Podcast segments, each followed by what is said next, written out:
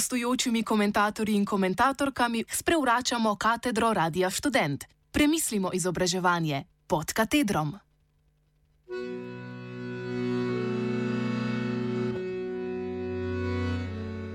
Samo bedaki in konji.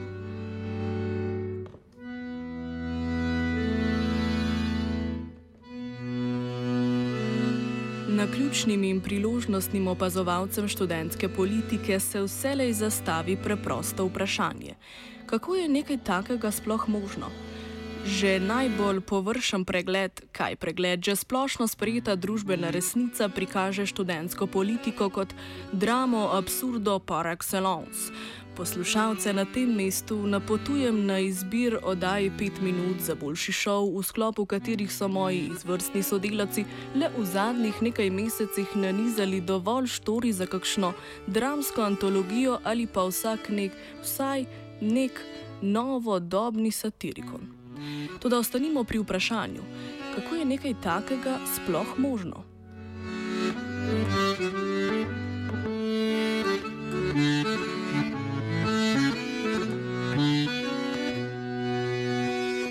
Pred pol leta sem napovedal, da bodo študentske politike kmalo zamrle in te napovedi se držim. Toda študentska politika ne bo zamrla skozi odločen poseg državnega zbora, pa tudi skozi spontan študentski revolt ali košesku ne. Umrla bo postopoma, oziroma je že davno tega v tem procesu.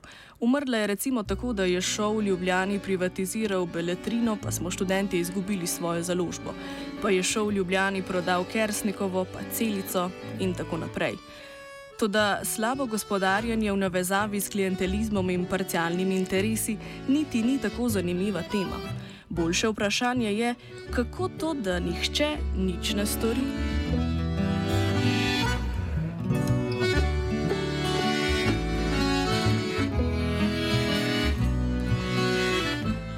Kar zadeva državno politiko, šov Ljubljani in šos nikoli nista precej visoko na spisku prioritet.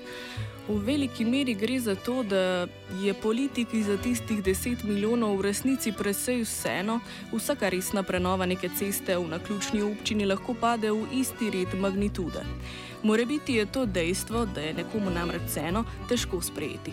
Zdi se, da je na svet veliko preprosteje gledati skozi prizmo izrisenih in zaostrenih antagonizmov, kjer ima vsakdo svojo pozicijo in svojo linijo. A vendar, državna politika se šos in šov ne ukvarja.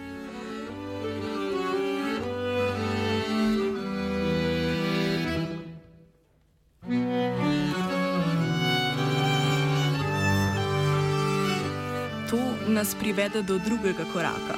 Ravno zato je odnos državnega zbora do študentske politike razmeroma ambi ambivalenten.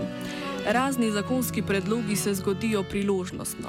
Recimo zgodi se tarča, šos je nekaj tednov tema gostilniških debat in novela zakona o skupnosti študentov, ki je šos opredelila za osebo javnega prava, se po več letih ležanja v predalu znajde v državnem zboru in je sprejeta po drugi strani pa potem SAP uporabi znižanje državnega sofinanciranja za poceni nabiranje političnih tož, češ, gledajte, študentom jemljajo.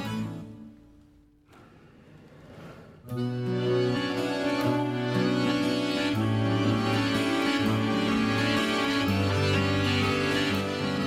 naključnost in sporadičnost moramo jemati za zmes več kauzalnih zvez. Po eni strani ima veliko strank člane, ki so bili tako ali drugače udeleženi v študentski politiki. Dočimer stranke nimajo resnih programskih točk na tem področju, pač pridejo do izraza kontingentni dejavniki.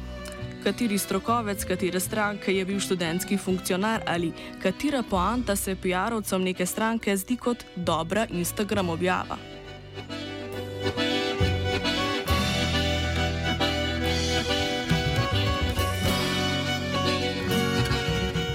Zdaj pa lahko v tej negativnosti, kako dramatičen obrat, vidimo tudi nek pozitiven razlog, zakaj politiki vseeno ugaja, da šos obstaja. Ne dovolj, da bi za ohranitev študentske politike stranke uporabljale politični kapital, vendar pa dovolj, da se ne bojijo za njeno ukinitev. Gremo po vrsti.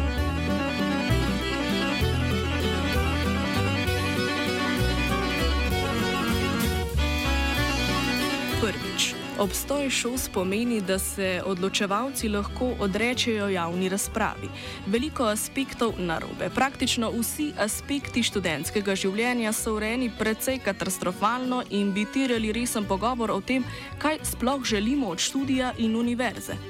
Temu se izogneš, če obstaja študentska organizacija, ki uradno predstavlja študente.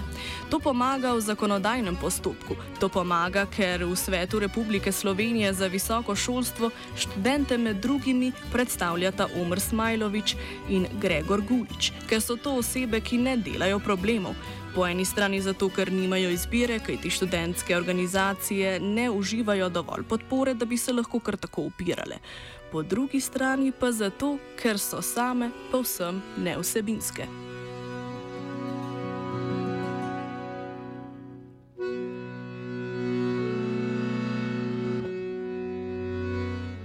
Drugič, obstoj šos pomeni, da imajo stranke možnost fototerminov, s katerimi svojim starejšim volilnim bazam sporočajo, da se ukvarjajo študenti. Recimo, na Novo 24 pride Klemen Peran in podpornikom SDS pove, da vlada študenti lepo sodeluje. Morda boste rekli, da je 10 milijonov na leto veliko za nekaj fototerminov. Toda tako ali tako gre za študentski denar, niti del proračuna ni. Jelinčič se s tem verjetno ne ukvarja preveč.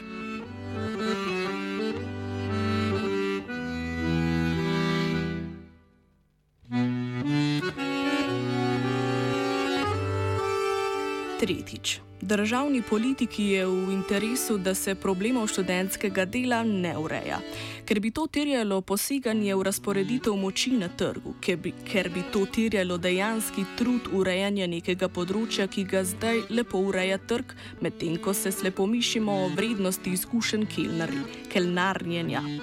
To, da študentsko delo uničuje obsežen del trga delovne sile, ni važno. Tudi to, da veliko študentov študija ne uspe dokončati, ni važno. To, da gre pri vsem skupaj za izkoriščanje, še enkrat ni važno.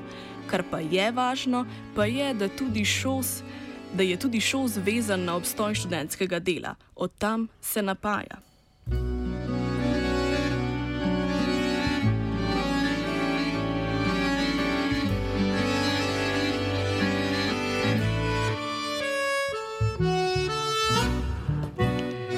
Zato je politiki v interesu, da obstaja šos, ki se na vse kriplje bori za ohranitev študentskega dela.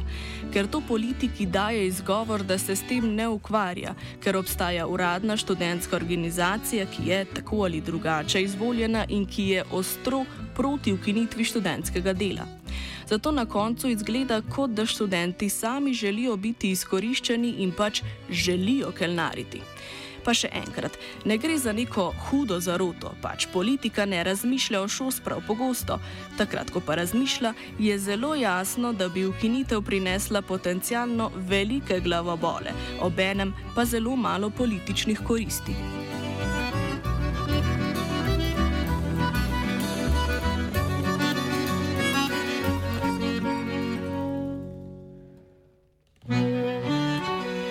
Če bi bil šos ukinjen, bi strukturno mesto zagovornika študentov ostalo odprto.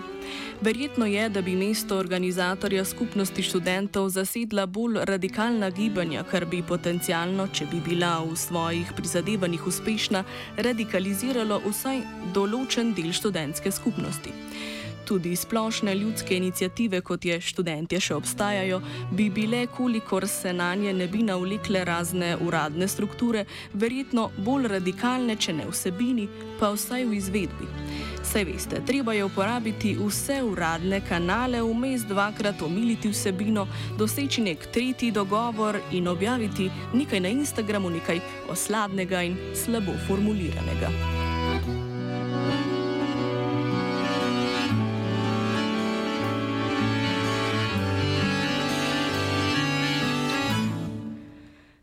Zatorej.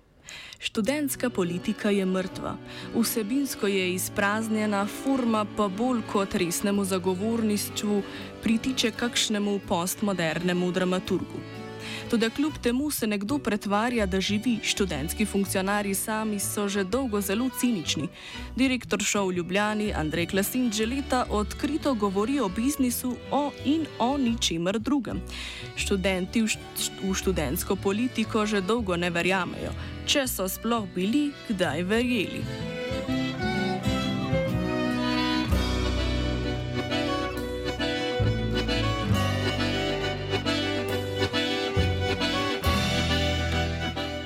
Tudi širše je tako. Verjetno je ni bolj splošno sprejete resnice, kot je tista o problematičnosti in nesmiselnosti študentskih organizacij. Vseeno se vsemu rečenemu na vzklic državni zbor ne spravi resneje posegati v materijo. Verjetno bodo ob neizbežnih prihodnih dramah, tarčah in razkritih zopet le novelirali razne zakone, nižali državno sofinanciranje.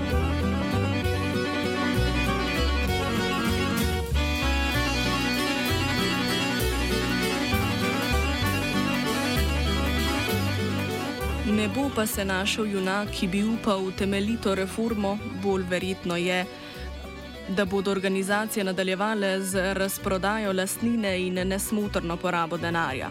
In na to bo napočil dan, ko bo institucionalni okvir študentskega organiziranja res samo še to: nekaj prostorov na Vojkovič 63 in nekaj cankarjanskih likov, ki se razumejo kot velike biznismene, čeprav je njihov domet privatizacija javnih sredstev in še tu obstanejo, ne zaradi svoje politične žilice, pač pa zato, ker država rajši ne posega v ureditev študija.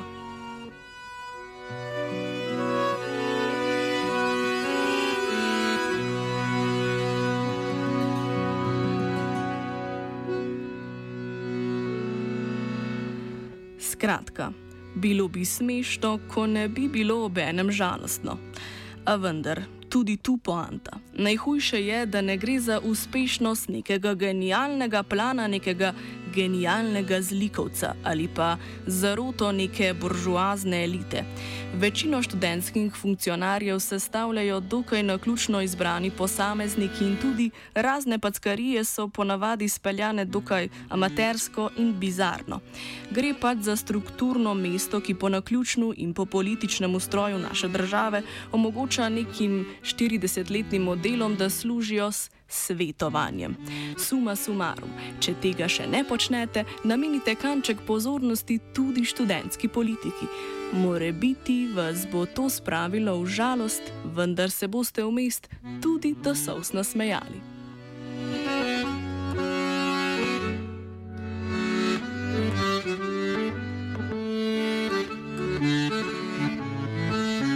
Piše Matija.